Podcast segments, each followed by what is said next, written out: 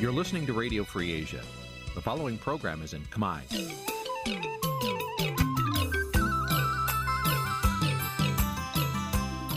Nǐ chi càm bi tiệp xáy vệt chiu a zì sê ray នេះជាកម្មវិធីផ្សាយរបស់ Vithu Azisari ជាភាសាខ្មែរ វត្តឈូអាស៊ីសេរីសូមស្វាគមន៍លោកអ្នកនាងទាំងអស់ពីរដ្ឋធានី Washington នៃសហរដ្ឋអាមេរិក បាទពីរដ្ឋធានីវ៉ាស៊ីនតោនខ្ញុំបាទសេកបណ្ឌិតសូមជម្រាបសួរអស់លោកអ្នកនាងកញ្ញាទាំងអស់ជាទីមេត្រីយើងខ្ញុំសូមជូនកម្មវិធីផ្សាយសម្រាប់ព្រឹកថ្ងៃពុធ12រោចខែបុស្សឆ្នាំខាលចត្វាស័កពុទ្ធសករាជ2566ត្រូវនៅថ្ងៃទី18ខែមករាគ្រិស្តសករាជ2023បាទជាដំបូងនេះសូមអញ្ជើញអស់លោកអ្នកនាងស្ដាប់ព័ត៌មានប្រចាំថ្ងៃដែលមានមេត្តាដូចតទៅ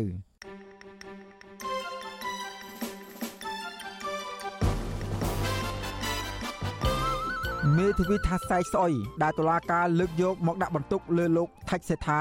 អាចមានភាពមិនប្រក្រតីអ្នកខ្លាំមើលសង្គមព្រួយបារម្ភអំពីបញ្ហាកម្ពុជាធ្លាក់ក្នុងអន្ទាក់បំណុលចិនយុវជនសារសូមឲ្យរដ្ឋាភិបាលលុបចោលអនុក្រឹត្យកាត់ដីឧស្សាហជាតិគិរីរំឲ្យទៅក្រុមហ៊ុនឯកជន មន្ត្រីសង្គមស៊ីវិលម្នាក់ទៀតចូលទៅបំភ្លឺនគរបាលរាជធានីភ្នំពេញរឿងចែករំលែកបទចម្រៀងឈាមបាតកោរួមនឹងព័ត៌មានសំខាន់សំខាន់មួយចំនួនទៀត។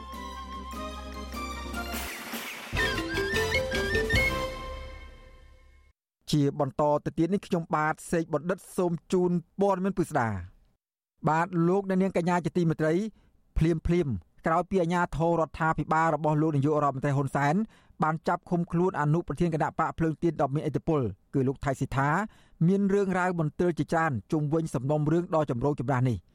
យ៉ាងហោចណាស់មានរឿងមន្ទិលសង្ស័យចំនួន4យ៉ាងត្រូវបានក្រុមអ្នកច្បាប់មើលឃើញជុំវិញសំណុំរឿងនេះតើសំណុំរឿងលោកថៃសិដ្ឋានេះមានភាពមិនប្រក្រតីអ្វីខ្លះដែលលោកដានាងគួរជ្រាបនិងស្វែងយល់នោះ បាទលោកមានរិទ្ធមានសេចក្តីរាយការណ៍ពុស្ដាអំពីរឿងនេះពីរដ្ឋធានីវ៉ាស៊ីនតោន ការចាប់ឃុំខ្លួនមេបពប្រឆាំងដាក់គុកមិនមែនជារឿងរ៉ាវថ្មីថ្មោងនៅក្នុងសង្គមកម្ពុជានោះទេ ជាពិសេសនៅមុនពេលបោះឆ្នោតថ្នាក់ជាតិម្ដងម្ដងជាក់ស្ដែងនៅប្រមាណមិនដល់1ឆ្នាំផងនៅមុនការបោះឆ្នោតជាតិដ៏ចម្រូងចម្រាសកាលពីឆ្នាំ2018កន្លងទៅលោកកឹមសុខាប្រធានគណៈបកសង្គ្រោះជាតិតំណាងឲ្យបុរដ្ឋចិត្តពាក់កណ្ដាលប្រទេសត្រូវបានអាជ្ញាធរលោកនាយរដ្ឋមន្ត្រីហ៊ុនសែនចាប់ខ្លួនទាំងកណ្ដាលយប់ លោកហ៊ុនសែនបានអួតអាងថាសូមបីតែឪម៉ែស្ដាច់ក៏លោកមិនខ្លាចនិងសូមបីតែមេបពប្រឆាំងក៏លោកហ៊ានបញ្ជាឲ្យសមាជិកចូលចាប់ខ្លួនទាំងកណ្ដាលយប់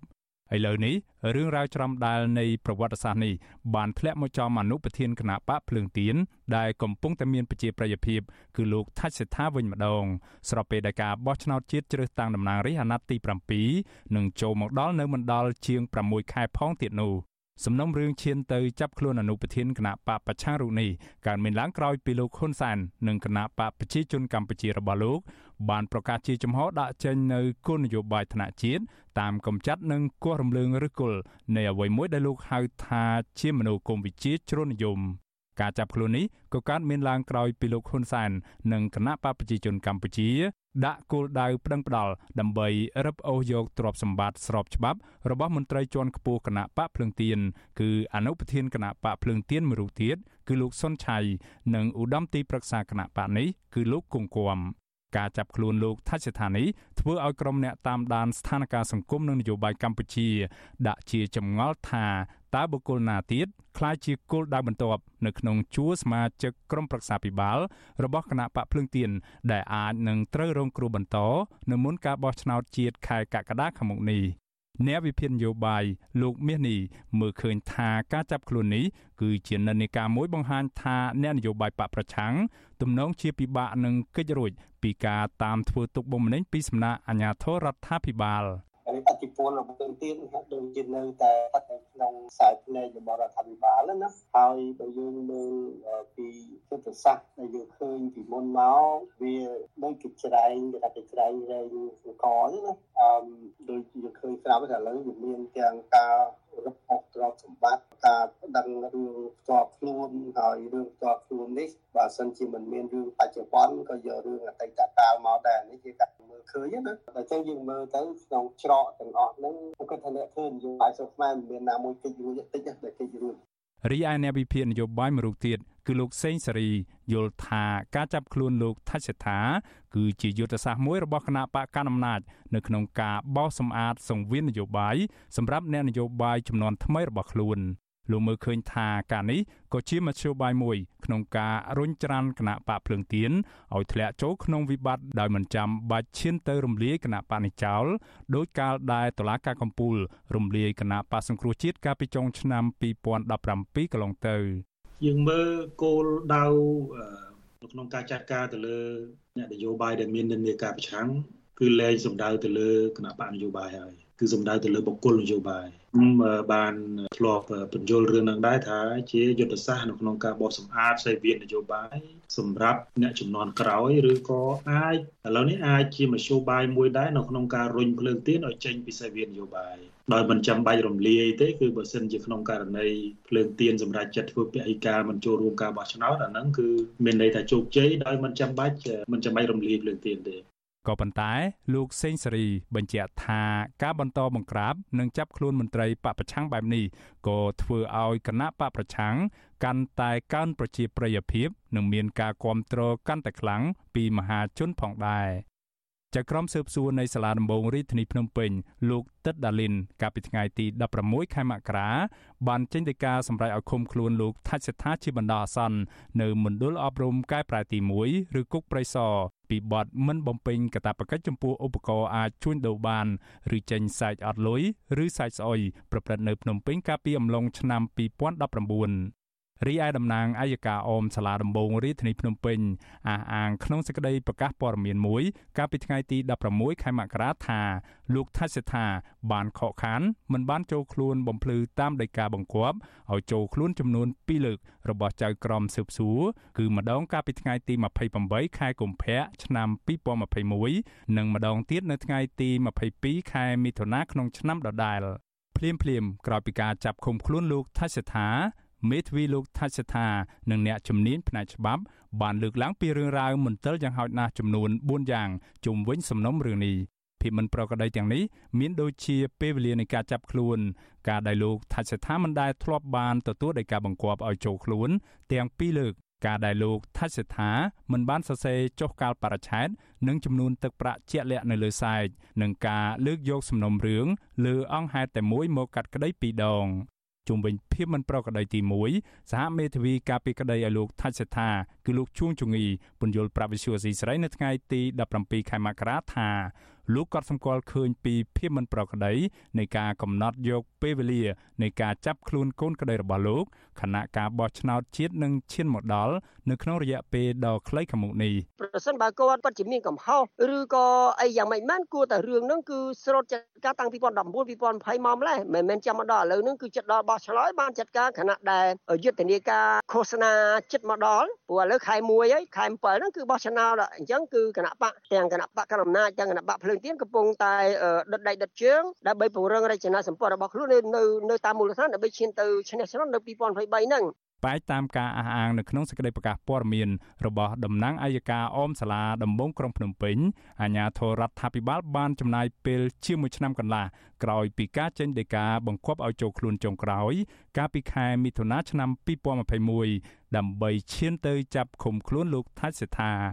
បើតាមលោកជួងជងីភាពមិនប្រក្រតីទី2 គឺលោកថាច់សថាមិនដែលធ្លាប់បានទទួលដោយការបង្គាប់ឲ្យចូលខ្លួនរបស់ចៅក្រមម្ដងណាឡើយអៃដាមថៃសេតាក៏អាងថាអាស័យដ្ឋានចង្អុលនៅក្នុងដីកានាំខ្លួនហ្នឹងគឺអាស័យដ្ឋានដែលគាត់អត់នៅយូរហើយអញ្ចឹងសួរថាបើសិនជាតឡាការបញ្ជូនដីកាប្រកបគាត់ចូលខ្លួនតែអាស័យដ្ឋានដែលគាត់អត់រស់នៅថាតើឲ្យគាត់ទទួលបានយ៉ាងម៉េចមួយទៀតគាត់ថាអត់ដែលបានទទួលដីកាពីតឡាការតអសអញ្ចឹងបើគាត់អត់បានទទួលដីកាពីតឡាការតអសអាហ្នឹងគឺគឺឲ្យគាត់ចូលវាមិនបើគាត់អត់ដែលទទួល រីឯភាពមិនប្រក្រតីទី3នៅក្នុងសំណុំរឿងនេះគឺលោកថាច់សេដ្ឋាមិនបានសរសេរចុះកាលបរិច្ឆេទនិងចំនួនទឹកប្រាក់ជាក់លាក់នៅលើសាច់ឬមូលប្រតិណប័ត្រសងប្រាក់នោះទេអញ្ចឹងក្រោយពីខ្ញុំស្ដាប់គាត់រ៉ាយរាប់ត្រួសត្រួសមកថាសាច់ដែលគាត់ឲ្យទៅគេនឹងមានតែហត្ថលេខាទេអត់ទាន់សរសេរថាទឹកប្រាក់ប្រមាណហើយនឹងបើកនៅពេលណាអញ្ចឹងបើសិនជាសាច់នឹងយកទៅជាផតាំងនៅនៅតុលាការអញ្ចឹងសួរថាតើនរណាជាអ្នកចេញសាច់នឹងពិតប្រាកដហើយសាច់នឹងត្រូវមានសុពលភាពនៅពេលណា មេធាវីលោកថាច់សេដ្ឋាគឺលោកឈួងជងី ពន្យល់បន្តថាតុលាការទំនងជាចាត់ការពីរដង ទៅលើសំណុំរឿងសែកដែលជាអង្គហេតុតែមួយ ដែលផ្ទុយពីនីតិវិធីច្បាប់ក្នុងអង្គហេតុមួយតឡាការមិនអាចចាត់ការលើសពីមួយដងទេគាត់ថារឿងហ្នឹងគឺ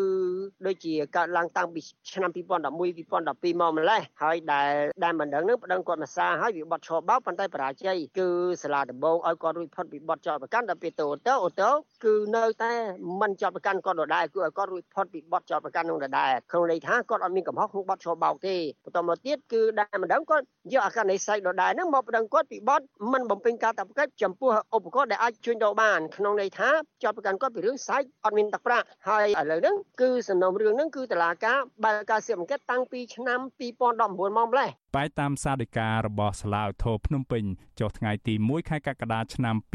2019ដែលសម្រេចឲ្យលោកថាច់សេដ្ឋាឈ្នះក្តីពីបទឆបោក លោកថាច់សេដ្ឋាបានខ្ចីប្រាក់ពីក្រុមហ៊ុនឈ្មោះរិនឆាយផនសបចំនួនជាង30000ដុល្លារដោយយកប្លង់ដីនិងផ្ទះ5កន្លែងទៅបញ្ចាំ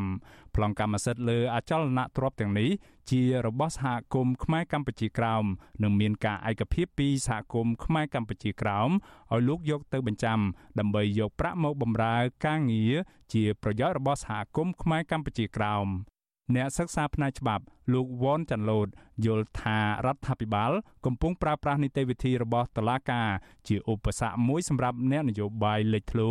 មកពីគណៈបពប្រឆាំងពេលខ្លះយើងវិភាគផ្នែកច្បាប់យើងមិនដឹងជាយកជ្រុងណាមកវិភាគត្រូវទេពីព្រោះអារឿងហ្នឹងវាមិនដឹងថាត្រូវបកស្រាយយ៉ាងម៉េចណាបើទស្សនវិជ្ជាច្បាប់ហើយបើយើងរំលេចទៅនឹងទស្សនវិជ្ជាពិតនៅក្នុងសង្គមដូចយើងឃើញចឹងពេលខ្លះ មនុស្សខ្លះអត់មានបញ្ហាឬក៏កំហុសអីទេប៉ុន្តែយ៉ាងហោចណាស់ក៏អាចត្រូវទទួលរងនឹងការចាប់ប្រកាន់អាមួយហើយនីតិវិធីរបស់តុលាការហ្នឹងក៏ជាបញ្ហាប្រឈមសម្រាប់អ្នកទាំងនោះឬក៏ជាពិសេសគណៈបព្វឆាំងហ្នឹងគាត់ចូលប្រឡូកទៅក្នុងវិស័យនយោបាយរបស់គាត់ដែរគិតត្រឹមយប់ថ្ងៃទី17ខែមករាវិសុវស៊ីស្រីនៅមិនទាន់អាចតាក់ទងម្ចាស់ក្រុមហ៊ុនរិនឆាយផនសពលោកហៃវ៉ាន់រិន ដើម្បីសុំការពន្យល់បន្ថែមជុំវិញរឿងនេះបាននៅឡើយទេ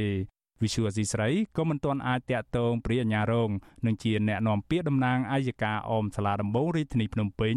លោកប្លង់សុផល ដើម្បីសុំការពន្យល់ជុំវិញសំណុំរឿងរបស់លោកថាច់ស្ថានីបាននៅឡើយដែរ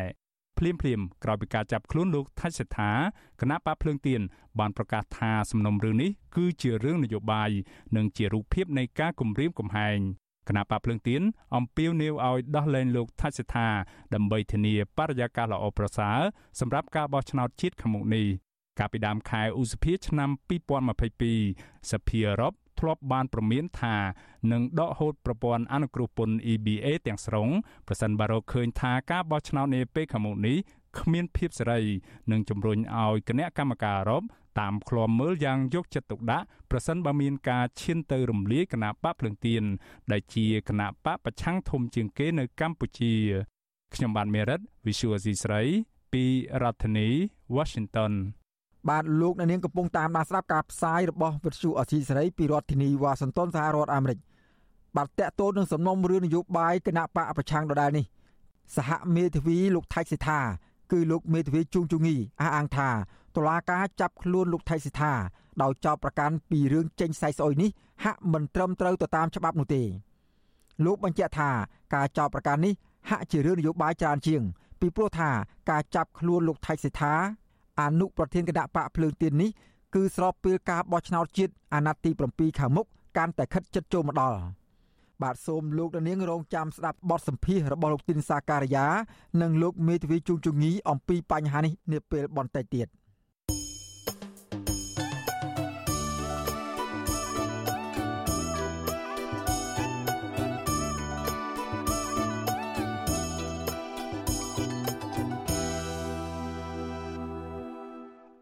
បាទលោកអ្នកនាងកញ្ញាជាទីមេត្រីពាក់ព័ន្ធនឹងបទចម្រៀងឈាមបាតកោឯនោះវិញ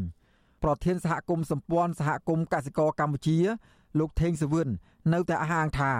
ការចែករំលែកបទចម្រៀងឈាមបាតកោនៅតាមបណ្ដាញសង្គមដោយក្រុមអង្គការសង្គមស៊ីវិលនោះគឺមានចេតនារកយុទ្ធធរដល់អ្នករងគ្រោះក្នុងអំពើហិង្សានៅផ្លូវវែងស្រេងនិងនៅក្បែររោងចក្រយ៉ាជីនពុំមែនជាការញុះញង់នោះឡើយ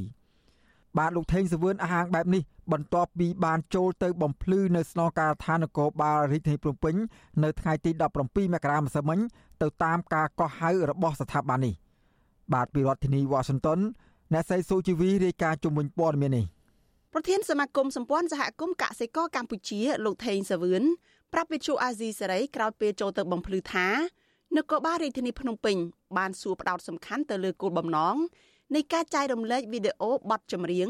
ដោយពួកគេចោទប្រកាន់ថាវីដេអូចម្រៀងនោះមានចេតនាញុះញង់និងបង្កឲ្យមានអសន្តិសុខសណ្ដាប់ធ្នាប់សង្គមធ្ងន់ធ្ងរលោកបន្ថែមថាអត្តន័យបទចម្រៀងឈាមបាតកោមានគោលបំណងបង្ហាញការពិត ដើម្បីបង្ការកុំឲ្យមានអំពើហិង្សាបន្តកើតមានទៅលើក្រុមបាតកោនិងមិនមានចេតនាអាក្រក់ឡើយក្នុងនាមជាជនរងគ្រោះម្នាក់ដែលបានរងអំពើហិង្សាដោយដែលរូបភាពវីដេអូបទចម្រៀងបានលើកឡើង លោកថេងសវឿនបន្ថែមថាការចែករំលែកវីដេអូនេះធ្វើឡើងនៅក្នុងគោលបំណងចង់បានយុត្តិធម៌ដល់ខ្លួនលោកផ្ទាល់និងជនរងគ្រោះផ្សេងទៀតតែប៉ុណ្ណោះវីដេអូនិងរូបភាពតែបានតាក់តែងឡើងគឺជាការបញ្ចេញមតិសិក្សាដែលតាក់ទងនឹងការយល់ឃើញរបស់សិទ្ធិអ្នកនិពន្ធសម្រាប់ខ្ញុំខ្ញុំត្រូវតែចូលរួមសហការហើយខ្ញុំនៅរក្សាជំហរវិជ្ជាជីវៈរបស់ខ្ញុំក្នុងការបំពេញកិច្ចការងារ ក្នុងការលើកកម្ពស់សិទ្ធិជាមូលដ្ឋានរបស់កម្មករប្រជាពលរដ្ឋនិងការជំរុញឲ្យមានធម៌សម្រាប់ព្រឹត្តិការណ៍9ឆ្នាំមុនហើយនឹងជំរុញឲ្យលោកបំបត្តិទម្រង់អំពើហិង្សាគ្រប់រូបភាពទៅលើប្រជាពលរដ្ឋឬក៏កម្មករស្លូតត្រង់ផងដែរក្នុងពេលលោកថេងសាវឿនចូលទៅបំភ្លឺនេះនៅខាងក្រៅរបងស្នងការនគរបាលរាជធានីភ្នំពេញមានមន្ត្រីអង្គការសហប្រជាជាតិអង្គការសង្គមស៊ីវិលនិងក្រុមអ្នកសារព័ត៌មានជិត50នាក់តាមឃ្លាំមើលគិតមកដល់ថ្ងៃនេះមន្ត្រីអង្គការសង្គមស៊ីវិល4នាក់ បានចូលទៅបំភ្លឺនៅស្នងការដ្ឋាននគរបាលរាជធានីភ្នំពេញទៅតាមការកោះហៅឲ្យចូលទៅបំភ្លឺតាក់ទងនឹងការផ្សព្វផ្សាយវីដេអូចម្រៀងបែប rap ឈាមបាតុកោនិងបានបង្គាប់បញ្ជាឲ្យអង្គការទាំងនេះលុបចម្រៀងឈាមបាតុកោនោះចេញពីបណ្ដាញសង្គមរបស់ពួកគេអ្នកដែលចូលទៅបំភ្លឺនោះរួមមាននាយកទទួលបន្ទុកកិច្ចការទូតនៃអង្គការលីកាដូលោកអំសំអាតបានចូលទៅបំភ្លឺកាលពីថ្ងៃទី9ខែមករា ប្រធានសមាគមប្រជាធិបតេយ្យឯករាជ្យនិស្សិតកិច្ចក្រៅប្រព័ន្ធលោកវ៉ុនពៅនាយកប្រតិបត្តិអង្គការសង្ត្រាល់លោកមឿនដុល្លារដែលបានចូលទៅបំភ្លឺកាលពីថ្ងៃទី10ខែមករានិងចុងក្រោយគេប្រធានសមាគមសម្ព័ន្ធសហគមន៍កសិករកម្ពុជាលោកថេងសវឿនដែលបានចូលទៅបំភ្លឺនៅថ្ងៃទី17ខែមករាអង្គការទាំង4នេះបានបង្ខំចិត្តលុបចម្រៀងឈាមបាតកោចេញពីបណ្ដាញសង្គមរបស់ខ្លួនទៅតាមការបង្គាប់បញ្ជារបស់ស្នងការដ្ឋាននគរបាលរាជធានីភ្នំពេញនេះរួចរាល់ហើយដែរ ការកោះហៅមន្ត្រីអង្គការសង្គមស៊ីវិលឲ្យចូលទៅបំភ្លឺនេះធ្វើឡើងបន្ទាប់ពីរដ្ឋមន្ត្រីក្រសួងវប្បធម៌និងវិចិត្រសិល្បៈអ្នកស្រីភឿងសាកូណាកាលពីថ្ងៃទី6ខែមករាបានចេញលិខិតស្នើសុំឲ្យអគ្គស្នងការនគរបាលជាតិលោកណេតសាវឿនចាត់វិធានការតាមផ្លូវច្បាប់ចំពោះការផ្សព្វផ្សាយបទចម្រៀងដែលមានចំណងជើងថាឈាមបាតកោការស្នើសុំនេះធ្វើឡើងបន្ទាប់ពីក្រុមអង្គការសង្គមស៊ីវិលបានផ្សព្វផ្សាយវីដេអូបទចម្រៀងឈាមបាតកោ នៅលើបណ្ដាញសង្គម Facebook ក្នុងឱកាសខួប9ឆ្នាំនៃការបាញ់បង្ក្រាបបង្ហូរឈាមពីសំណាក់អាជ្ញាធររដ្ឋាភិបាលទៅលើក្រុមបាតកោនៅលើផ្លូវវែងស្រេង និងនៅក្បែររោងចក្រយ៉ាក់ជីនវីដេអូចម្រៀងបែប rap ឈាមបាតកោដែលច្រៀងដោយលោកគៀសុគន្ធបានបង្ហាញរូបភាពសមត្ថកិច្ចបាញ់និងវាយបង្ក្រាបដើម្បីបំបែកវងបាតកោដែលតវ៉ាទាមទារដំឡើងប្រាក់ខែ នៅលើដងផ្លូវកាលពីដើមឆ្នាំ2014វីដេអូចម្រៀងនេះ មានអត្ថន័យរំលឹកដល់វីរភាពរបស់សហជីពនិងអ្នកតស៊ូដើម្បីសិទ្ធិការងារនិងទាមទារដំឡើងប្រាក់ឈ្នួលដោយបានយកសាច់ស្រស់ឈាមស្រស់ទៅតទល់ដោយមិនខ្លាចដំបងដែកក្របកំភ្លើងរបស់កម្លាំងសមត្ថកិច្ចដើម្បីទទួលបានប្រាក់ខែសមរម្យព្រឹត្តិការណ៍បង្ក្រាបក្រុមបាតកោដោយហិង្សាពីសំណាក់កម្លាំងសមត្ថកិច្ចកាលពីខែមករាឆ្នាំ2014ធ្វើឲ្យបាតកោ4នាក់បានស្លាប់កុមារម្នាក់បាត់ខ្លួន និងមនុស្សជិត40នាក់រងរបួស វិទ្យុអាស៊ីសេរីមិនអាចតាក់ទងแนะនាំពាក្យស្នងការនគរបាលរាជធានីភ្នំពេញលោកសានសុកសីហាដើម្បីសូមអត្ថាធិប្បាយជុំវិញបញ្ហានេះបានទេនៅថ្ងៃទី17ខែមករាដោយទូរស័ព្ទហៅចូលតែពុំមានអ្នកទទួលជុំវិញរឿងនេះអ្នកនាំពាក្យសមាគមការពារសិទ្ធិមនុស្សអាត6លោកសឹងសានករណាយល់ឃើញថាការកោះហៅមន្ត្រីអង្គការសង្គមស៊ីវិលឲ្យចូលទៅបំភ្លឺជុំវិញការផ្សព្វផ្សាយបទចម្រៀងឈាមបាតកោនេះគឺជាការរឹតបន្តឹងសិទ្ធិសេរីភាពនៅក្នុងការបញ្ចេញមតិ ហើយផ្ទុយទៅនឹងមាត្រា41នៃរដ្ឋធម្មនុញ្ញដែលចែងថាប្រជាពលរដ្ឋខ្មែរមានសេរីភាពខាងបញ្ចេញមតិរបស់ខ្លួនសេរីភាពខាងសារព័ត៌មានសេរីភាពខាងការបោះពុម្ពផ្សាយនិងសេរីភាពខាងការជួបប្រជុំលោកបន្ថែមថាទាំងរូបភាពវីដេអូនិងអត្ថន័យបទចម្រៀងឈាមបាតុកោមិនមានបង្កប់ន័យបង្កផលប៉ះពាល់ទៅដល់សន្តិភាពសាធារណៈដោយការចោទប្រកាន់របស់អាជ្ញាធរឡើយ។ បើយើងពិនិត្យមើលការកោះហៅមន្ត្រីថ្នាក់ដឹកនាំអង្គការសង្គមស៊ីវិលទាំង4រូបវាជារូបភាពក្នុងការរដ្ឋបិទទៅលើសេរីភាពបញ្ចេញមតិហើយណាមួយបើយើងពិនិត្យអំពីការដាក់លិខិតពីក្រសួងវប្បធម៌ទៅចំណាត់ការរឿងហ្នឹងក៏មិនស័ក្តិសមដែរ គួរនឹងមានដែរពីព្រោះក្រសួងវប្បធម៌វិចិត្រសិល្បៈគួរតែពិនិត្យមើលទៅលើការផ្សព្វផ្សាយនៅរូបភាពមិនត្រឹមត្រូវខ្លឹមសារថតវីដេអូថ្មីថ្មីដែលពាក់ព័ន្ធនឹងប៉ះពាល់ដល់ប្រពៃណីវប្បធម៌ជាតិប៉ះពាល់ទៅនឹងការសាព្រោះនៅវប្បធម៌មិនល្អពីបរទេសទាំងអស់នេះអានឹងវាគួរតែជាកិច្ចការងាររបស់ខាងក្រសួងវប្បធម៌ក្រោយពីរដ្ឋមន្ត្រីក្រសួងវប្បធម៌និងវិចិត្រសិល្បៈអ្នកស្រីភឿងសាកូណាបានចោទប្រកាន់ថាបទចម្រៀងឈាមបាតកោមានខ្លឹមសារញុះញង់អាចបង្កជាអសន្តិសុខ និងសណ្ដាប់ធ្នាប់សង្គមនិងក៏ហៅឲ្យមន្ត្រីអង្គការសង្គមស៊ីវិលចូលទៅឆ្លើយបំភ្លឺជុំវិញការផ្សព្វផ្សាយបទចម្រៀងនេះមតិសាធារណជនជាច្រើនលើកឡើងថានោះជាការចោទប្រកាន់ដែលមិនត្រឹមត្រូវហើយក៏ជាការអនុវត្តដែលមានស្តង់ដារ2នាងខ្ញុំសុជីវីវិទ្យុអាស៊ីសេរីពីរដ្ឋធានី Washington បាទលោកនាងកញ្ញាជាទីមេត្រីពាក់ព័ន្ធនឹងការថែរក្សាបរិស្ថាននិងព្រៃឈើនៅវិញក្រមយុវជនស្នើដល់រដ្ឋាភិបាល ឲ្យលុបចោលអនុក្រឹត្យកាត់ជ្រឿដីអូសៀនជាតិគិរីរំជាង200ហិកតាឲ្យទៅក្រុមហ៊ុនឯកជន ដើម្បីអភិរក្សតំបន់ការពារនិងធនធានធម្មជាតិឲ្យនៅគង់វង្សយូរអង្វែងសម្រាប់មនុស្សជំនាន់ក្រោយសំណើនេះបន្ទាប់ពីលោកនាយករដ្ឋមន្ត្រីហ៊ុនសែនបានសម្រេចកាត់ជ្រឿដីអូសៀនជាតិគិរីរំឲ្យទៅក្រុមហ៊ុនវ៉ាន់ម៉ដែលមានមុខជំនួយស្និទ្ធនឹងត្រកូលហ៊ុនបាទពីរដ្ឋធានីវ៉ាស៊ីនតោនលោកយ៉ងច័ន្ទរារាយការណ៍ជុំវិញព័ត៌មាននេះ ក្រមយុវជនការពារព្រៃឈើនិងធនធានធម្មជាតិបារម្ភថាបរដ្ឋាភិបាលមិនលុបចោលការកាត់ដីឲ្យក្រុមហ៊ុនឯកជនបន្តទៀតនោះទេនោះវានឹងបង្កផលប៉ះពាល់ដល់មុខរបរប្រជាពលរដ្ឋសង្គមនិងសម្បត្តិធម្មជាតិពួកគេស្នើដល់រដ្ឋាភិបាលលុបចោលអនុក្រឹត្យផ្ដាល់ដីឧទ្យានជាតិគិរីរម្យឲ្យទៅក្រុមហ៊ុនវ៉ាន់មួរួមទាំងបញ្ឈប់ការកាត់ជ្រៀលដីរដ្ឋបន្តទៀត យុវជនខ្មែរថាវរៈដែលសកម្មនៅក្នុងការចេញមកការពីបរិស្ថាន លោកស្វាយសំណាងថ្លែងថាលោកមិនពេញចិត្តចំពោះរដ្ឋាភិបាលដែលសម្រេចកាត់ដីក្នុងទំហំរាប់រយហិកតា នៅតំបន់ឧទ្យានជាតិគិរីរម្យដែលអតីតព្រះមហាក្សត្រខ្មែរខិតខំការពារកន្លងមកនោះបែរជាប្រគល់ឲ្យទៅក្រុមហ៊ុនអ្នកមានលុយមានអំណាចទៅវិញលោកបារម្ភថាការប្រគល់សិទ្ធិឲ្យទៅក្រុមហ៊ុនឯកជនគ្រប់គ្រង ឬក៏វិនិយោគដោយមិនបានសិក្សាផលប៉ះពាល់បរិស្ថាននិងសង្គម ជាមួយភាគីពាក់ព័ន្ធឲ្យបានស៊ីជម្រៅទេ នោះគឺជាមិនផុតពីសកម្មភាពក្រុមហ៊ុន ដាក់គ្រឿងចាក់ឈូសឆាយបំផ្លិចបំផ្លាញព្រៃដោយករណីក្រុមហ៊ុនលេងនវត្រាឈូសព្រៃតំបន់ភ្នំតាម៉ៅឡើយលោកស្នើដល់រដ្ឋាភិបាលគួរពិចារណារឿងនេះឡើងវិញមុនពេលក្រុមហ៊ុនចុះអនុវត្តគម្រោងនាពេលខាងមុខនេះ។ ការកាត់ជ្រៀលដីមួយចំនួននៅក្នុងដីអភិរក្សដីរបស់រដ្ឋជូនក្រុមហ៊ុនឯកជននេះវាប៉ះពាល់ធ្ងន់ធ្ងរណាស់ដល់ជីវៈចម្រុះជាពិសេសធនធានធម្មជាតិព្រៃឈើទាំងអស់ហ្នឹងថាតែលុបអនុក្រឹត្យនឹងចេញដោយសារតែវាប៉ះពាល់ដល់ជីវៈចម្រុះនិងព្រៃឈើនៅក្នុងតំបន់ហ្នឹងវាពួកអីវាជាតំបន់ដែលកាត់ជ្រៀលនៅកន្លែងដែលមានព្រៃឈើលោកស្វាយសំណាងឲ្យដឹងថាក្រមយុវជនខ្មែរថាវរៈ នឹងនាំគ្នាផ្តិតមេដាយធ្វើយុទ្ធនាការចេញដាក់ញត្តិដើម្បីស្នើដល់រដ្ឋាភិបាលឲ្យបញ្ឈប់ការកាត់ជ្រៀលដីតំបន់ការពារឬតំបន់ឧទ្យានជាតិបន្តទៅទៀតដើម្បីថែរក្សាសម្បត្តិរបស់រដ្ឋនិងការពារធនធានធម្មជាតិឲ្យបានគង់វង្សសម្រាប់មនុស្សជំនាន់ក្រោយសំណើរបស់ក្រមយុវជននេះគឺបន្ទាប់ពីលោកនាយករដ្ឋមន្ត្រីហ៊ុនសែនកាលពីថ្ងៃទី27ខែមិថុនាឆ្នាំ2022បានចុះហត្ថលេខាកាត់ជ្រៀលដីទំហំជាង200ហិកតា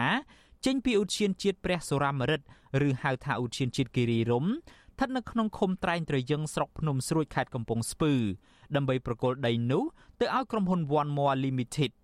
ម្ចាស់ក្រុមហ៊ុននេះគឺអ្នកស្រីជឹងសុគន្ធធាវី ដែលជាកូនស្រីបង្កើតរបស់អ្នកស្រីជឹងសុភីបហៅយីភូអ្នកស្រីនិងក្រុមគ្រួសារគឺជាដៃគូជំនួញស្និទ្ធជាមួយនឹងគ្រួសារលោកនាយរដ្ឋមន្ត្រីហ៊ុនសែនជាពិសេសគឺកូនស្រីរបស់លោកគឺអ្នកស្រីហ៊ុនម៉ាណា វិទ្យុអាស៊ីសេរីមិនអាចតាក់ទងប្រធានអង្គភិបអ្នកនាំពាក្យរដ្ឋាភិបាលលោកផៃស៊ីផាន និងអ្នកនាំពាក្យក្រសួងបរិស្ថានលោកណេតភក្ត្រាដើម្បីសាកសួរអំពីរឿងនេះបានទេនៅថ្ងៃទី17ខែមករាក៏ប៉ុន្តែអភិបាលខេត្តកំពង់ស្ពឺ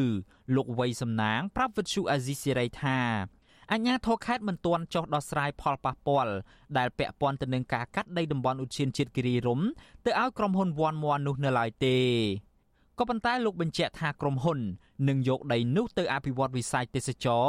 និងបង្កើតការងារជូនប្រជាពលរដ្ឋដោយលោកអះអាងថានឹងមិនធ្វើឲ្យប៉ះពាល់ដល់បរិស្ថាននោះទេនៅតំបន់គិរីរំបូកគោអានេះយើងគ្រាន់តែជួលទៅពូយើងគ្រាន់តែជួលឲ្យ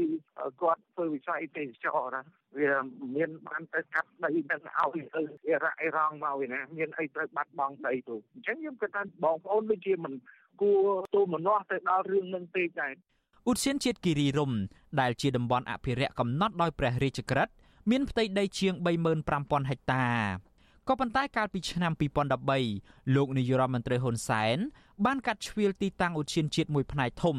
ជួលទៅឲ្យក្រុមហ៊ុនឯកជនយ៉ាងហោចណាស់ចំនួន2ដើម្បីវិនិយោគរយៈពេលយូរ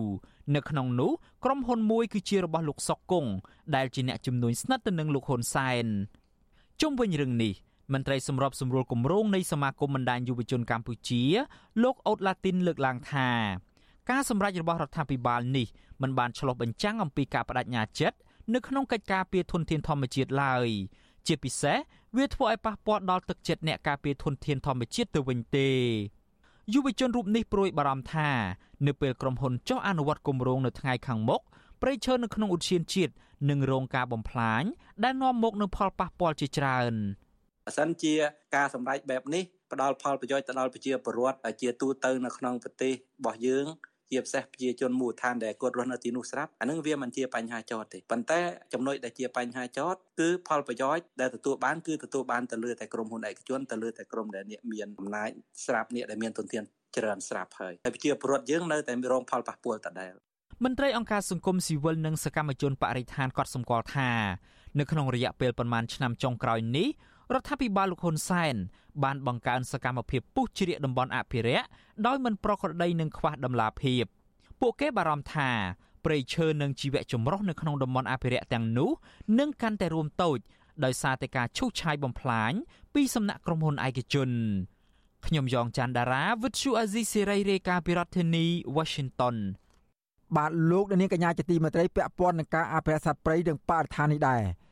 អន្ទាក់សត្វព្រៃ នៅតែជាឧបសគ្គគំរាមកំហែងធ្ងន់ធ្ងរដល់សុវត្ថិភាពសត្វព្រៃជាច្រើនប្រភេទដែលកំពុងរស់នៅក្នុងតំបន់ជួរភ្នំក្រវាញកណ្ដាលតំបន់ដែនជម្រកសត្វព្រៃភ្នំអរ៉ាល់និងព្រៃសហគមន៍នានាក្នុងខេត្តកំពង់ស្ពឺប្រជាសហគមន៍វិតម្លៃថាក្រសួងបរិស្ថាននៅតែគ្មានសមត្ថភាពដោះស្រាយបញ្ហានេះជាច្រើនឆ្នាំមកហើយដែលធ្វើឲ្យសត្វព្រៃកម្រងាប់ជាបន្តបន្ទាប់បាទពីរដ្ឋធានី Washington លោកនៅវណ្ណរិនរាយការណ៍ជុំវិញព័ត៌មាននេះ សត្វព្រៃជាច្រើនប្រភេទរួមមានខ្លាឃ្មុំខ្ទីងប្រើសឆ្លុះទុនសោងកងោកនិងជ្រូកព្រៃជាដើម បន្តបាត់បង់ជារៀងរាល់ឆ្នាំ នៅតំបន់ជួរភ្នំក្រវាញកណ្ដាលដែនជំរកសត្វព្រៃភ្នំឱរ៉ាល់និងព្រៃសហគមន៍8មុំប្រជាសហគមន៍រស់នៅឃុំតាសាលស្រុកឱរ៉ាល់ព្រួយបារម្ភពីជោគវាសនាសត្វព្រៃដ៏កម្រទាំងនេះនៅតែបាត់បង់ជារៀងរាល់ថ្ងៃដែលក្រសួងបរិស្ថានអសមត្ថភាពការពារនិងអភិរក្ស ប្រជាសហគមន៍ម្នាក់ដែលតែងតែនាំភ្ញៀវទេសចរឡើងភ្នំខ្នងវាលក្នុងតំបន់ឧឈានជាតិជួរភ្នំក្រវាញកណ្ដាលគឺលោកវីរ៉ាន់ប្រាប់វិទ្យុអាស៊ីសេរីនៅថ្ងៃទី17មករាថាតំបន់ឧឈានជាតិជួរភ្នំក្រវាញកណ្ដាលនិងដែនជម្រកសត្វព្រៃភ្នំឱរ៉ាល់ស្ថិតនៅចំណុចខ្នងវាលខ្នងផ្សាភ្នំថ្មព្រុយភ្នំខ្នងដងពេញនិងភ្នំដូនពាយ ដែលជាកន្លែងសត្វព្រៃស្វែងរកចំណីសម្បូរដោយអន្ទាក់បង្កគ្រោះថ្នាក់ដល់ជីវិតសត្វព្រៃជាច្រើនប្រភេទលោកថាអន្ទាក់ទាំងនេះត្រូវបានដាក់ពង្រាយស្ទើរតែគ្រប់កន្លែង នៅទីតាំងសំខាន់សំខាន់ដែលសត្វព្រៃឆ្លងកាត់ហើយពួកលោកតែងតែដោះអន្ទាក់នោះចេញម្ដងម្ដងរាប់រយអន្ទាក់នៅពេលដែលចុះល្បាត ហើយព្រួយរឿងសត្វនេះវាដាច់ពូជអត់ស្រុកខ្មែរយើងគឺត្រូវអត់មានសត្វទេបើសិនណាវាធ្វើអញ្ចឹងហើយនៅតែតាមពួនមួយតាមពួនសត្វមាននេះអីសត្វនៅជាប់ទ្រង់វិញនេះជាប់គុកហ្នឹងគ្រាន់ចាក់ដើរដោះឡើងចង់កោះខ្លួនគេចាប់ចាត់កាត់ច្រើនមែនតែនគ្រាន់តែវាលស្រោលនៅតំបន់ខ្នងវាលហ្នឹងសត្វច្រើនណាស់នេះមានជ្រូកព្រៃខ្លាឃ្មុំហើយនិងសត្វខ្ទីងចេញមកពីនៅតាមវាលចឹងទៅលោកវីរ៉ាន់បន្ថែមថា នៅក្នុងឆ្នាំ2022និងដើមឆ្នាំ2023នេះពួកលោកដោះអន្ទាក់បានរាប់រយអន្ទាក់ដែលព្រានព្រៃលួចដាក់ចាប់សត្វខ្ទីងខ្លាឃ្មុំ និងជ្រូកព្រៃហើយជួនកាលពួកលោកប្រទះឃើញជ្រូកព្រៃនិងខ្ទីងងាប់ស្អុយរលួយជាប់នឹងអន្ទាក់នោះលោកបញ្ជាក់ថាកាលពីសប្តាហ៍មុនសត្វខ្ទីងមួយក្បាលទម្ងន់200គីឡូក្រាមជាប់អន្ទាក់នៅចំណុចខ្នងវាលហើយងាប់នៅពេលបញ្ជូនទៅសង្គ្រោះនៅភ្នំតាម៉ៅ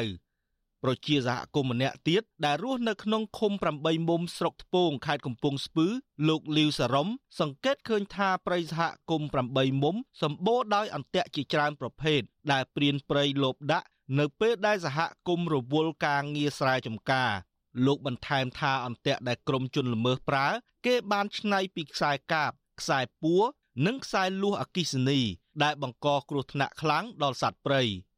រឿងតាក់វិញដកអត់ឈ្នះដូចវាចော့អញ្ចឹងនេះទៅដាក់ឲ្យដកយ៉ាងហ្នឹងតែឡើងទៅវិញដែរពូសត្វព្រៃតាក់គូក៏តាក់វាលើសជាលើសកភ្លើងទៀតអញ្ចឹងណាគូតាក់វាដាក់ទៅដាច់ជើងងាប់សត្វដាក់ដាច់ជើងរហូតច្រើនជាងគេយើងសត្វអន្សោងសត្វកម្របាទបាទអន្សោងមានពីងទៅនៅពីងវាចេញចូលចេញចូលទទួលបារម្ភរឿងតាក់ដែរ វិទ្យុអាស៊ីសេរីមិនអាចតាក់ទងសុំការបំភ្លឺពីអនុប្រធាន និងប្រធានមន្ទីរបរិស្ថានខេត្តកំពង់ស្ពឺ លោកនៅណាក់និងលោកអោមម៉ាក់ធីរី បាននៅឡើយទេនៅថ្ងៃទី17មករានេះចំណែកអ្នកនាំពាក្យក្រសួងបរិស្ថាន លោកណេតភក្ត្រានិងអភិបាលខេត្តកំពង់ស្ពឺវីសំណាងក៏វិទ្យុអាស៊ីសេរីមិនអាចតាក់ទងបានដែរនៅថ្ងៃដដែលនេះ។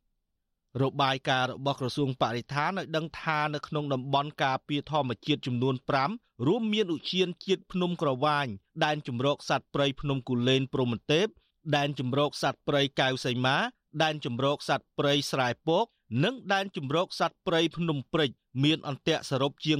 230,000អន្ទាក់ដែលមន្ត្រីជំនាញដោះចេញពីតំបន់ការពារទាំងនោះក្នុងចន្លោះឆ្នាំ2010ដល់2019 អ្នកនាំពាក្យក្រសួងបរិស្ថានលោកណេតភក្ត្រាបានថ្លែងក្នុងសន្និសីទសារព័ត៌មានមួយកាលពីឆ្នាំ2022ថាអន្ទាក់ជាឃាតករលាក់មុខសម្លាប់សត្វព្រៃជារៀងរាល់ថ្ងៃប្រសិនបើមិនបំផ្លាញចោលទេជីវិតសត្វព្រៃជាច្រើននឹងត្រូវបានសម្លាប់លោកអំពាវនាវឲ្យពលរដ្ឋនិងមហាជនបញ្ឈប់ការជួញដូរនិងបរិភោគសាច់សត្វព្រៃ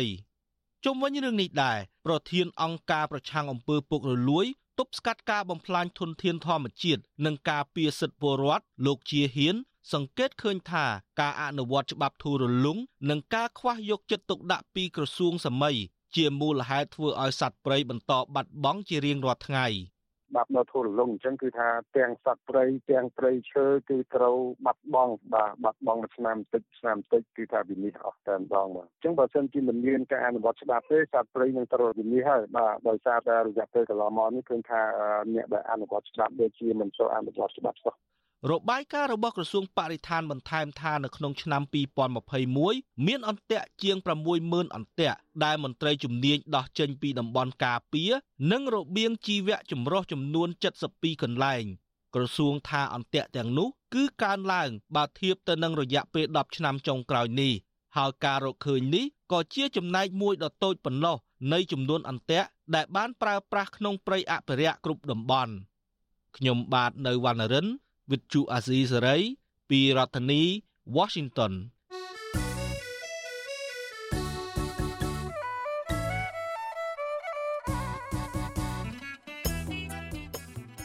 បាទលោកនាងកញ្ញាជាទីមេត្រីក្រៅពីការតាមដានស្ដាប់ការផ្សាយរបស់វិទ្យុអស៊ីសេរីតាមបណ្ដាញសង្គម Facebook YouTube Telegram លោកអ្នកនាងក៏អាចតាមដានស្ដាប់ការផ្សាយរបស់យើងខ្ញុំតាមរយៈបណ្ដាញសង្គម Instagram របស់វិទ្យុអាស៊ីសេរី តាមរយៈតំណភ្ជាប់ www.instagram.com/rfa ខ្មែរវិទ្យុអាស៊ីសេរីបន្តខិតខំផ្សព្វផ្សាយព័ត៌មានពិតទៅកាន់បងប្អូនតាមរយៈបណ្ដាញសង្គមផ្សេងៗនិងសម្បូរបែបដើម្បីលោកនាងងាយស្រួលតាមដានការផ្សាយរបស់វិទ្យុអសីស្រីគ្រប់ពេលវេលា និងគ្រប់ទីកន្លែងតាមរយៈទូរស័ព្ទរបស់អស់លោកនាង បាទសូមអរគុណ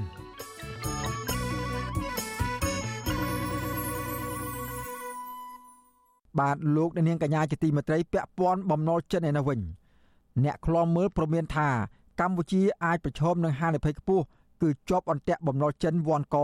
ដកខ្លួនមិនរួចប្រសិនបើរដ្ឋាភិបាលនៅតែបន្តទៅខ្ចីបុលពីចិនដោយគ្មានភ្ជាប់នូវលក្ខខណ្ឌប្រជាធិបតេយ្យដើម្បីអភិវឌ្ឍប្រទេសជាតិដោយតម្លាភាពការប្រមាននេះធ្វើឡើងក្រោយពីលោកនាយករដ្ឋមន្ត្រីហ៊ុនសែននឹងទៅទស្សនកិច្ចនៅប្រទេសចិនក្នុងដើមខែកុម្ភៈខាងមុខ ដើម្បីស្នើសុំឲ្យមិត្តដៃថែបរបស់លោកជួយបន្តគាំទ្រតាមរយៈការផ្ដល់កម្ចីឥណទានដល់កម្ពុជា បាទពីរដ្ឋធានីវ៉ាស៊ីនតោនអ្នកស្រីម៉ៅសុធានីរាយការណ៍ជុំវិញព័ត៌មាននេះកម្ពុជាទំនងជាមិនផុតរឿងបាត់បង់អធិបតេយ្យជាតិផ្នែកណាមួយទៅឲ្យចិនគ្រប់គ្រងដោយបណ្ដាប្រទេសមួយចំនួនដែលបានផ្ដាល់កំពង់ផែទៅឲ្យចិនគ្រប់គ្រងនោះខណៈដែលប្រទេសរបស់ខ្លួនបានធ្លាក់ក្នុងបំណុលចិនវ៉ាន់កដកខ្លួនមិនរួច នាយកប្រតិបត្តិអង្គការអភិវឌ្ឍផ្នែកគណិតលោកសេកសុជាតិប្រាប់បច្ចុប្បន្នស៊ីស្រីនៅថ្ងៃទី17ខែមករាថាបើរដ្ឋាភិបាលបន្តខ្ចីបុលពីបរទេសដោយគ្មានភ្ជាប់លក្ខខណ្ឌប្រជាធិបតេយ្យនិងពំបានគិតគូរអំពីដំណាភាពចំពោះការអភិវឌ្ឍជាតិនោះកម្ពុជានឹងងាយប្រឈមជាប់បំណុលបរទេសកាន់តែច្រើនហើយដែលអាចបង្កភាពស្មុគស្មាញដល់រដ្ឋាភិបាលក្រោយៗទៀតលោកដាក់ជាសំណួរថាតើពេលណាតែកម្ពុជា ចេះរៀបចំគោលនយោបាយនៃកញ្ចប់ថវិកាជាតិឲ្យបានច្បាស់លាស់សម្រាប់ការអភិវឌ្ឍប្រទេសជាតិដោយខ្លួនឯងលោកសង្កេតឃើញថាប្រទេសលោកសេរី ដែលតែងតែផ្ដល់ប្រាក់កម្ចីសម្រាប់កម្ពុជា បានភ្ជាប់លក្ខខណ្ឌប្រជាធិបតេយ្យនិងនីតិរដ្ឋការអភិវឌ្ឍប្រកបដោយតម្លាភាពនិងទទួលបានអភិបាលកិច្ចល្អប៉ុន្តែលោកថាសម្រាប់ប្រទេសចិន ដែលបានផ្ដល់ប្រាក់កម្ចីដល់កម្ពុជាពុំមានលក្ខខណ្ឌទាំងនោះឡើយ។ ជ័យដែលទទួលបានពីប្រទេសចិនសំខាន់ជាងគេគឺជាកម្ចីមួយដែលគាត់ទៅឲ្យមេដឹកនាំប្រទេសដែលអាចធ្វើទៅតាមអ្វីគេហៅគោលការណ៍រួមប្រទេសចិនបានដាក់ចេញដើម្បីឲ្យមេដឹកនាំនៃប្រទេសមួយទៀតយល់ព្រមឬពិនិត្យនិងពិចារណាទៅតាមការគួរតែបើសិនជាមេដឹកនាំដែលបានមិនទទួលយកនៅការសូមព្រៀងនៅលក្ខខណ្ឌទាំងអស់ហ្នឹងទេយើងឃើញប្រទេសនោះក៏នឹងមិនទទួលបានផលប្រយោជន៍ឬក៏ប្រាក់កម្ចីពីប្រទេសចិនដែរនេះគឺជាមូលហេតុមួយដែលយើងមើលឃើញផងដែរបាទលោកនាយករដ្ឋមន្ត្រីហ៊ុនសែនកាលពីថ្ងៃទី14ខែមករាបានបញ្ជាក់ថាលោកនឹងទៅទស្សនកិច្ចនៅប្រទេសចិន នៅថ្ងៃទី10ខែកុម្ភៈហើយដំណើរទស្សនកិច្ចនេះគឺកំណត់រៀបចំដោយប្រធានាធិបតីចិនលោកស៊ីជីនពីង ក្នុងគម្រោងទស្សនកិច្ចនៅប្រទេសចិនលើកនេះលោកហ៊ុនសែននឹងពិភាក្សាជាមួយមេដឹកនាំចិន ដើម្បីឲ្យជួយគ្រប់គ្រងតាមរយៈការផ្ដល់ប្រាក់កម្ចីបន្ថែម សម្រាប់ធ្វើផ្លូវនិងស្ពាននៅកម្ពុជាវិទ្យុស៊ីស្រីមិនអាចតកតងប្រធានអង្គភិបអ្នកនាំពាក្យរដ្ឋាភិបាលលោកផៃស៊ីផាន និងអ្នកនាំពាក្យក្រសួងសេដ្ឋកិច្ចនិងហិរញ្ញវត្ថុលោកគឹមសុភ័ក្រដើម្បីសាកសួរអំពីរឿងនេះបានទេ នៅថ្ងៃទី17ខែមករា ចំណែកប្រធានលេខាធិការសមាគមមិត្តភាពកម្ពុជាចិនលោកច័ន្ទសវណ្ណរ៉េតវិញក៏លោកមិនធ្វើអត្ថាធិប្បាយជុំវិញរឿងនេះដែរអូអត់សំភារទៅលោកទេសូមអត់សំភារខ្ញុំមិនសំភារហ្នឹងតើស្នាក់ប្រធានខ្ញុំគ្រាន់ជាលេខាខ្ញុំអត់មានសិទ្ធទេអត់ទេខ្ញុំហ៊ានឲ្យទេនឹងលេខតខ្លួនកន្លងទៅស្ថានទូតចិនប្រចាំកម្ពុជាបានបដិសេធថាជំនួយនឹងប្រាក់កម្ចីរបស់ចិន ធ្វើឲ្យកម្ពុជាធ្លាក់ក្នុងអន្ទាក់បំណុលនិងបានរំលោភសិទ្ធិមនុស្សស្ថានទូតចិនប្រចាំកម្ពុជាថាប្រាក់កម្ចីរបស់ចិនទៅកាន់បរទេសតែងតែមិនភ្ជាប់លក្ខខណ្ឌនយោបាយនិងដើម្បីជាលេសឈៀតឆ្រែកកិច្ចការផ្ទៃក្នុងរបស់ប្រទេសដទៃនោះឡើយ ទោះបីមានការរិះគន់ចំពោះរឿងរ៉ាវដែលកម្ពុជាតែងតែទឹកខ្ចីលុយចិនសម្រាប់ការអភិវឌ្ឍប្រទេសជាតិថាខ្វះតម្លាភាពដែលអាចធ្វើឲ្យកម្ពុជាជាប់អន្ទាក់បំណុលចិននោះកាលពីឆ្នាំ2021លោកនាយករដ្ឋមន្ត្រីហ៊ុនសែនប្រកាសថាបើមិនឲ្យលោកទៅពឹងចិនតើឲ្យលោកទៅពឹងអ្នកណា របាយការណ៍ក្រសួងសេដ្ឋកិច្ចនិងហិរញ្ញវត្ថុឲ្យដឹងថាកត្រឹមដំណាច់ត្រីមាសទី2ឆ្នាំ2022កម្ពុជាជំពាក់បំណុលបរទេសប្រមាណ710,000លានដុល្លារក្នុងនោះបំណុលរដ្ឋស្ទើរតែពាក់កណ្ដាលគឺកម្ពុជាជំពាក់មិត្តដៃថៃចិនប្រមាណជាង4,000លានដុល្លារអាមេរិកអ្នកជំនាញផ្នែកវិទ្យាសាស្ត្រនយោបាយនិងកិច្ចការអន្តរជាតិលោកអែមសវណ្ណរាមានប្រសាសន៍ថាលោកនាយករដ្ឋមន្ត្រីហ៊ុនសែនទៅប្រទេសចិននាពេលខាងមុខ អាចនឹងខ្ចីលុយចិនបានក៏ប៉ុន្តែសម្រាប់ការស្នើសុំជំនួយឥតសំណងពីប្រទេសចិននោះកម្ពុជានឹងអាចលែងទទួលបានដោយមុនទៀតហើយទោះបីយ៉ាងណាលោកសង្កេតឃើញថាប្រាក់កម្ចីពីប្រទេសចិនសម្រាប់ការអភិវឌ្ឍនៅកម្ពុជាមិនទាន់បង្ហាញដំណាភាពគ្រប់គ្រាន់នោះទេខណៈដែលការកសាងផ្លូវនិងស្ពាននៅមានគុណភាពកម្រិតទាប សមិទ្ធផលនៃជ័យបំណុលហ្នឹងយើងអាចបានលើកមកបង្ហាញសាធារណជនថាហ្នឹងគេកម្ចីទេជាអ្នកនយោបាយយកមកផ្សព្វផ្សាយស្នាហ្នឹងជាសមិទ្ធផលរបស់រដ្ឋាភិបាលគណៈបកដឹកនាំកាន់អំណាចអញ្ចឹងទៅវិញឲ្យពលរដ្ឋថាអូនេះជាសមិទ្ធផលជោគជ័យដែរមិនមែនអ្នកនយោបាយហ្នឹងគាត់ខិតខំចេញពីធនធានធម្មជាតិធនធានជាតិយើងធ្វើបានហើយយើងទៅខ្ចីគេជាពាក់ប្រជាពលរដ្ឋអ្នកសងហើយដល់ពេលពលរដ្ឋប្រើប្រាស់ធនធានមិនទាន់បានអស់កាត់វាផងសំណង់នេះវាខូចណាផ្លូវមួយចំនួន អ្នកជំនាញរូបនេះព្រួយបារម្ភថាបើកម្ពុជាបន្តខ្ចីបុលបរទេសកាន់តែច្រើនហើយយកមកអភិវឌ្ឍប្រទេសជាតិគ្មានតម្លាភាពវានឹងធ្វើឲ្យប្រជាពលរដ្ឋជាប់បំណុលបរទេសកាន់តែច្រើនលោកអែមសវណ្ណារាស្នើដល់រដ្ឋាភិបាលឲ្យបង្ហាញព័ត៌មានឲ្យបានទូលំទូលាយនិងប្រកបដោយតម្លាភាពដល់ប្រជាពលរដ្ឋរឿងបញ្ហាខ្ចីបុលពីប្រទេសចិនហើយនឹងការប្រើប្រាស់កម្ចីចិនឲ្យចំគោលដៅអភិវឌ្ឍ ប្រកបដោយអភិបាលកិច្ចល្អនិងបញ្ជាការធ្លាក់ក្នុងអន្ទាក់បំណុលចិន ដូចជាបណ្ដាប្រទេសមួយចំនួន ចាននាងខ្ញុំម៉ៃសុធានីវិទ្យុអាស៊ីសេរីប្រធានាធិបតី Washington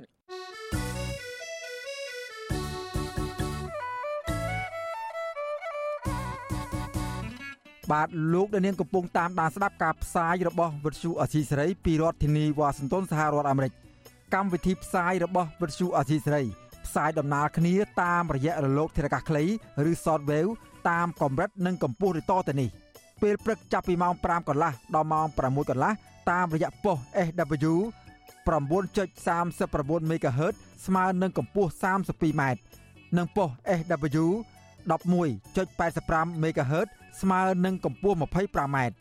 ពេលយប់ចាប់ពីម៉ោង7កន្លះដល់ម៉ោង8កន្លះតាមរយៈប៉ុស FW 9.39 MHz ស្មើនឹងកម្ពស់ 32m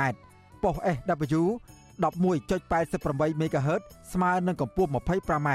និងប៉ុស SW 15.15 MHz ស្មើនឹងកម្ពស់ 20m បាទសូមអរគុណ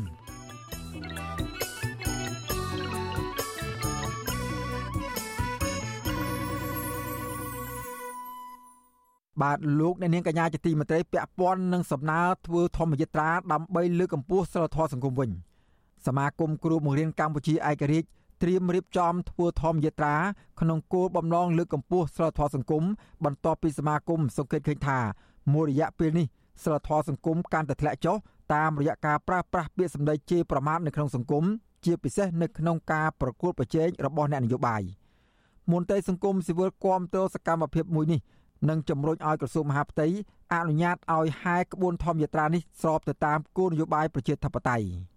សមាគមគ្រូបង្រៀនកម្ពុជាឯករាជ្យនៅថ្ងៃទី16មករាបានដាក់លិខិតទៅក្រសួងមហាផ្ទៃដើម្បីសូមរៀបចំការហែធម្មយាត្រាពីរាជធានីភ្នំពេញទៅកាន់ខេត្តពោធិ៍សាត់ដែលគ្រោងប្រព្រឹត្តទៅនៅថ្ងៃទី1ខែកុម្ភៈខាងមុខប្រធានសមាគមគ្រូបង្រៀនកម្ពុជាឯករាជ្យអ្នកស្រីអុកឆាយវីប្រាប់ពទ្យុអស៊ីសេរីឲ្យដឹងនៅថ្ងៃទី17មករាថាគោលបំណងនៃការធ្វើធម្មយាត្រានេះ គឺដើម្បីដាស់តឿននិងរំលឹកប្រជាពលរដ្ឋទូទៅ ជាពិសេសអ្នកមានអំណាច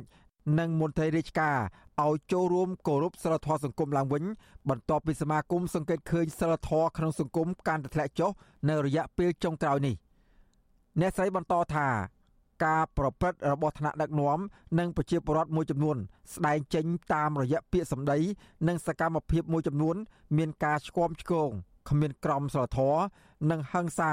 ដែលធ្វើឲ្យជះឥទ្ធិពលមិនល្អក្នុងសង្គមយើងធ្វើធម្មយាត្រានឹងគឺគោលបំណងយើងចង់បានឲ្យសិស្សានុសិស្សក៏ដូចជាមនុស្សចំនួនថ្មីនឹងបានយល់ថាសិលធម៌ជាកត្តាសំខាន់ចាបើសិនជាសិលធម៌យ៉ាងរស់នៅទាំងសិលធម៌គ្រប់បែបយ៉ាងហ្នឹងបានធ្លាក់ចុះឲ្យនឹងហានិភ័យសម្រាប់ជាតិយើងទាំងមូលហើយចា ការស្នើសុំធ្វើធម្មយាត្រាអំពីសិលធម៌សង្គមនេះធ្វើឡើងស្របពេលដែលវិវាទពាក្យសម្ដីរបស់មេដឹកនាំគណៈបកកណ្ដាលអំណាចមកលើគណៈបកប្រឆាំងដែលតែងតែជេរប្រមាថនិងគំរាមកំហែងបែបហិង្សានិយមនៅលើវេទិកាសាធារណៈស្របពេលដែលស្ថានភាពនយោបាយកំពុងឡើងកម្ដៅសកម្មភាពដែលកំពុងជន់ឈ្លីបន្ទាបតម្លៃសិលធម៌សង្គមទាំងនេះ បានជំរុញឲ្យសមាគមគ្រូបង្រៀនកម្ពុជាឯករាជ្យរៀបចំកម្មវិធីធ្វើធម្មយាត្រាឡើង ដែលអាចនឹងមានការចូលរួមពីពលរដ្ឋយ៉ាងតិច50នាក់ការហែធម្មយាត្រានេះនឹងធ្វើឡើងចាប់ពីចំណុចលោកយាយពេញ ក្នុងរាជធានីភ្នំពេញឆ្ពោះទៅខេត្តពោធិ៍សាត់ដោយបញ្ចប់នៅត្រង់ពុជនីយដ្ឋានប្រវត្តិសាស្ត្រអុកញ៉ាឃ្លាំងមឿង វិទ្យុអសីស្រីនៅពុំទាន់អាចតាក់ទងแนะនាំពាក្យក្រសួងមហាផ្ទៃលោកខៀវសុភ័ក្រដើម្បីសូមអត្ថាធិប្បាយជុំវិញបញ្ហានេះបានទេ នៅថ្ងៃទី17មករាជុំវិញរឿងនេះប្រធានសមាគមការពារសិទ្ធិមនុស្សអាត6លោកនីសុខាគាំទ្រចំពោះធម្មយត្រាដើម្បីឲ្យមានការចូលរួមថែរក្សាសិលធម៌សង្គមមួយនេះលោកសង្កេតឃើញថាការប្រើវោហារសាស្ត្រផ្ចាញ់ផ្ចាលគ្នារបស់អ្នកនយោបាយមួយចំនួនកំពុងបំផ្លាញសិលធម៌សង្គមដោយបើកចំហ លោកជំរុញឲ្យក្រសួងមហាផ្ទៃគួរអនុញ្ញាតឲ្យមានការហាយក្បួនធម្មយាត្រានេះឡើងដើម្បីជាផ្នែកមួយចូលរួមលើកកម្ពស់សិលធម៌សង្គមឡើងវិញ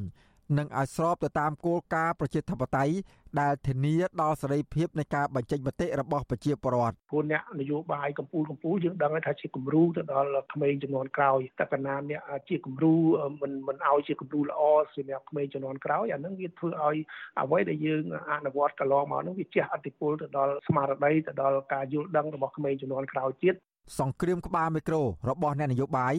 ដែលឈានទៅដល់ការប្រើប្រាស់ពាក្យសម្ដីមិនសមរម្យដូចជាការជេរប្រមាថការគំរាមកំហែងបង្កប់ទៅដោយអំពើហិង្សា ជាទូទៅ គឺផ្ដើមចេញពីលោកនាយករដ្ឋមន្ត្រីហ៊ុនសែនជាឧទាហរណ៍ក្នុងចំនួននយោបាយរវាងមេដឹកនាំគណៈបកកណ្ដាលអំណាចលោកហ៊ុនសែនជាមួយនឹងប្រធានស្ដីទីគណៈបកសង្គ្រោះជាតិលោកសំរាស៊ីកន្លងមក ដែលលោកហ៊ុនសែនបានប្រើប្រាស់ភាសាជេរប្រមាថទៅលើលោកសំរងស៊ីថាជាជនក្បត់ជាតិ3ចំនួនជាដើម ទោះបីជាលោកហ៊ុនសែននិយាយពាក្យអសុរោះជេរប្រមាថអ្នកដទៃយ៉ាងនេះក្តីក៏មន្ត្រីហែហោមដែលអង្គុយនៅពីក្រោយលោកបែរជានាំគ្នាទះដៃសាទរសកម្មភាពគ្មានសិលធម៌របស់មេដឹកនាំរូបនេះទៅវិញ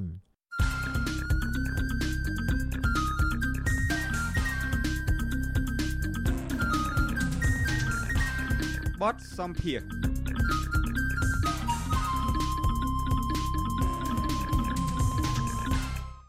បាទលោកអ្នកនាងកញ្ញាជាទីមេត្រីឥឡូវនេះក្រឡេកមកលើសំណុំរឿងអនុប្រធានគណៈបកភ្លើងទៀនវិញសហមេធាវីលោកថៃសិដ្ឋាគឺលោកមេធាវីជួងជងីអះអាងថាតុលាការចាប់ខ្លួនលោកថៃសិដ្ឋាដោយចោទប្រកាន់ពីរឿងចេញសាយស្អុយនេះហាក់មិនត្រឹមត្រូវទៅតាមច្បាប់នោះទេលោកបញ្ជាក់ថាការចោទប្រកាន់នេះហាក់ជារឿងនយោបាយច្រើនជាង ពីព្រោះថាការចាប់ខ្លួនលោកថៃសិដ្ឋាអនុប្រធានគណៈបកភ្លើងទៀននេះ គឺស្របពេលការបោះឆ្នោតជាតិអាណត្តិទី7ខាងមុខកាន់តែខិតជិតចូលមកដល់បាទសូមលោកនាង ស្ដាប់បទសម្ភាសរបស់លោកទីនសាការីយ៉ានិងលោកមេធាវីជួងជងីអំពីបញ្ហានេះដូចតទៅ បាទជម្រាបសួរលោកមេធាវីជួងជងីបាទបាទលោកមេធាវីជួងជងីតើលោកថៃសិដ្ឋាដែលលោកជាមេធាវីរបស់លោកថៃសិដ្ឋាមកទល់ពេលនេះហ្នឹងតើតឡាការបានសម្រេចឃុំខ្លួនហើយហ្នឹងយ៉ាងម៉េចទៅហើយដំណើររឿងរឿងនេះបាទ អឺតឡាការចោទប្រកាន់គាត់ពីករណីមិនបំពេញការតបកិច្ចចំពោះឧបករណ៍ដែលអាចជួញដូរបានគឺចង់និយាយថាចេញសាច់អត់លុយហើយតឡាការសម្រេចឃុំខ្លួនគាត់ពីយប់មិញហើយខ្ញុំប្រកមិញនេះបានទៅជួបគាត់ដើម្បីបំពេញបែបបទដាក់ការពីក្តីធ្វើជាមេធាវីជូនគាត់ហើយខ្ញុំតាម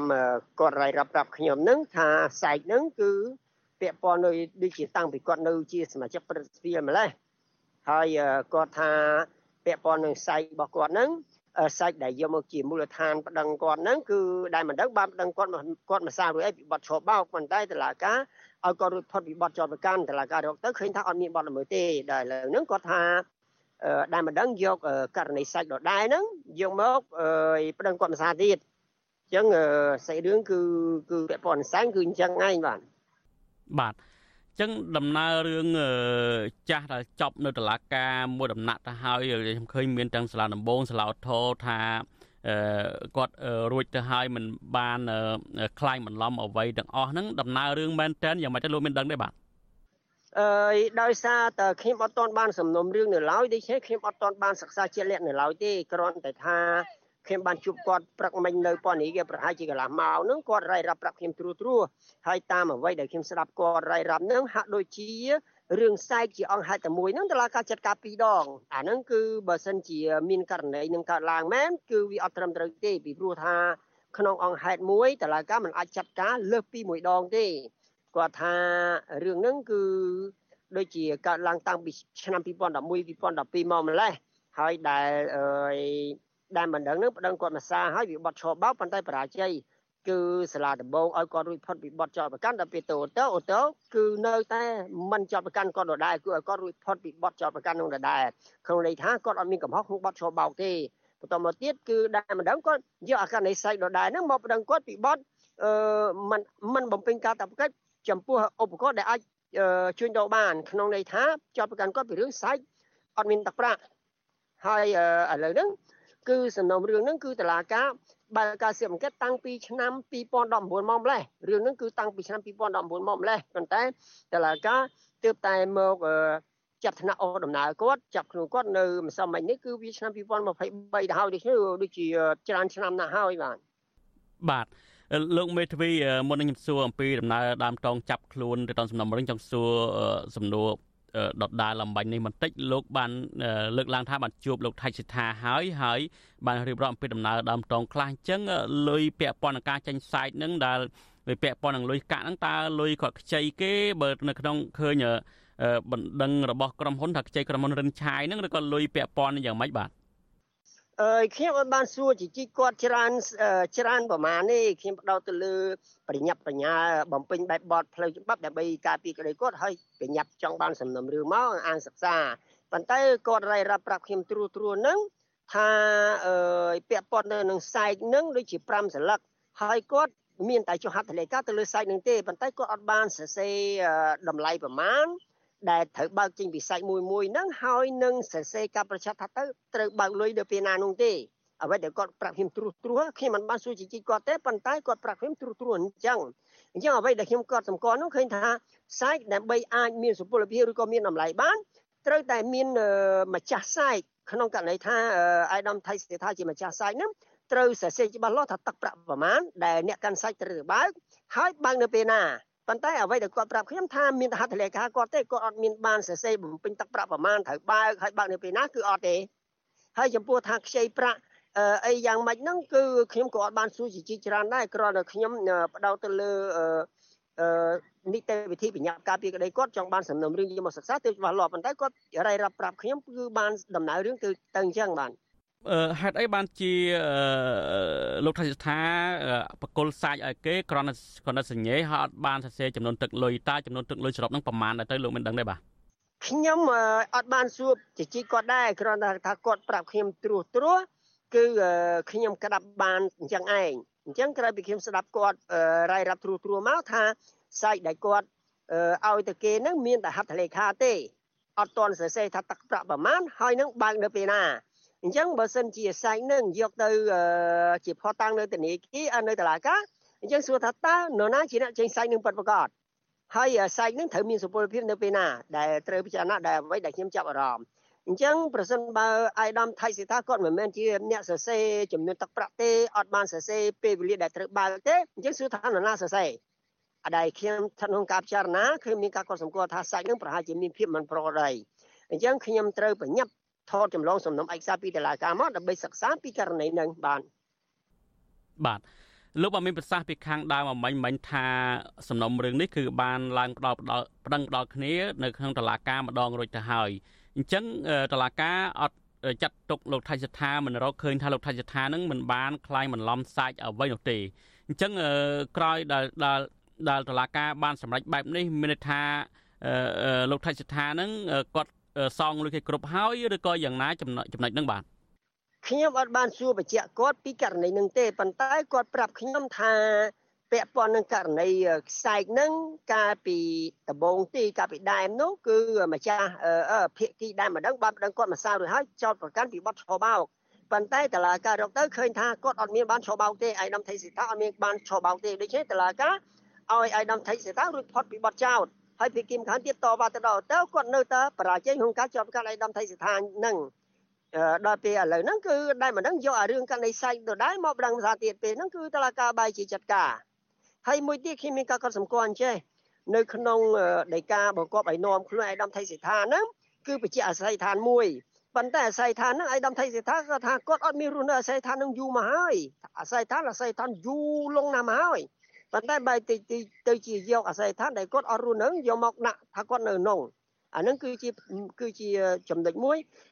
ដែលហាក់ដូចជាមិនមានភាពមិនប្រក្រតីដែរពីព្រោះតឡាការអឺសំអាងថាបង្កឲ្យគាត់ចូលខ្លួនច្រើនសារហើយអញ្ចឹងឈានមកអឺ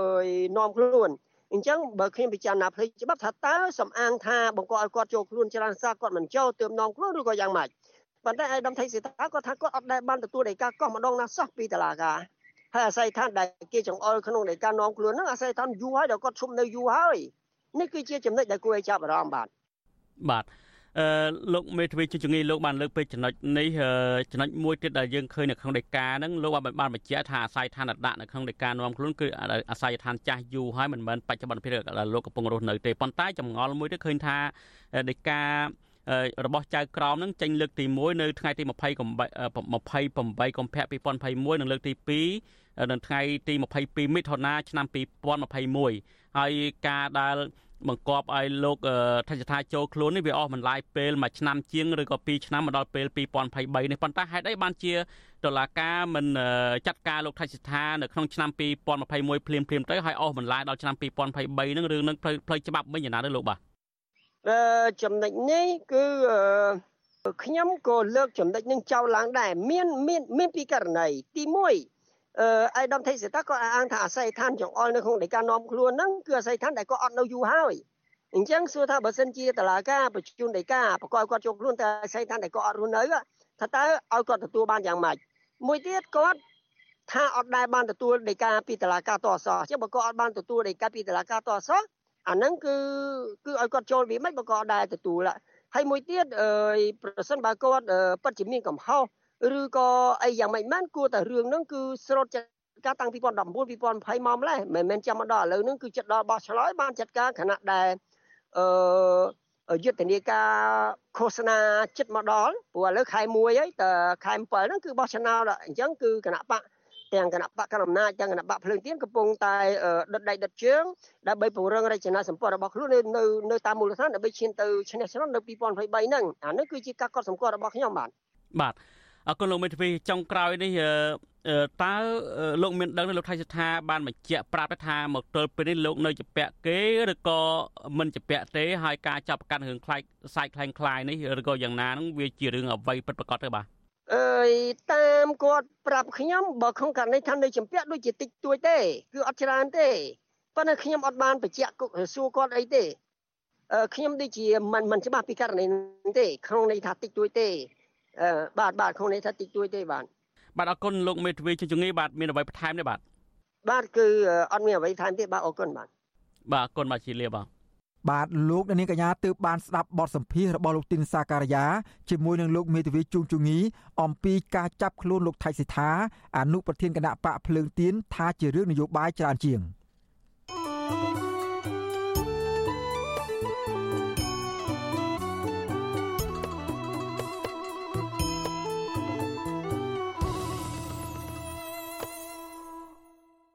បាទលោកអ្នកនាងកញ្ញាជាទីមេត្រីការផ្សាយរបស់វិទ្យុអស៊ីសេរីរយៈពេល1ម៉ោងសម្រាប់ព្រឹកនេះចប់តែប៉ុណ្ណេះ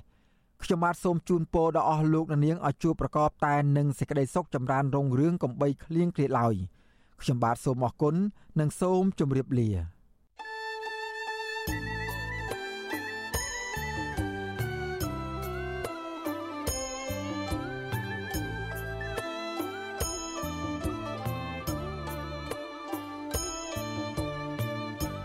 វិទ្យុអាស៊ីសេរីផ្សាយតាមរលក ធារកាសខ្លី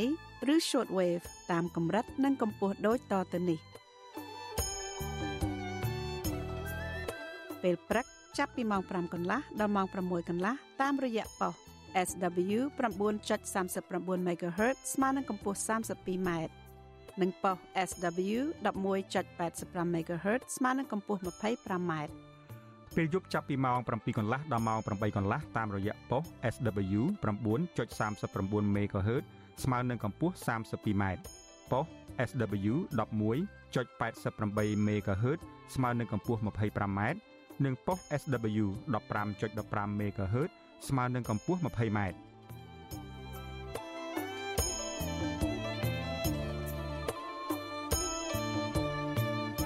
លោកអ្នកនាងក៏អាចស្ដាប់ការផ្សាយផ្ទាល់តាមប្រព័ន្ធអ៊ីនធឺណិតដោយចូលទៅកាន់គេហទំព័រ www.rfa.org/ ខ្មែរក្រៅពីនេះលោកអ្នកនាងក៏អាចអាននិងទស្សនាព័ត៌មានវិទ្យុអេស៊ីសេរីលើទូរស័ព្ទដៃរបស់លោកអ្នកផ្ទាល់សូមលោកអ្នកនាង ចូលទៅកាន់កម្មវិធី Facebook រួចស្វែងរកពាក្យ RFA ខ្មែរនិង YouTube ដោយស្វែងរកពាក្យ RFA ខ្មែរ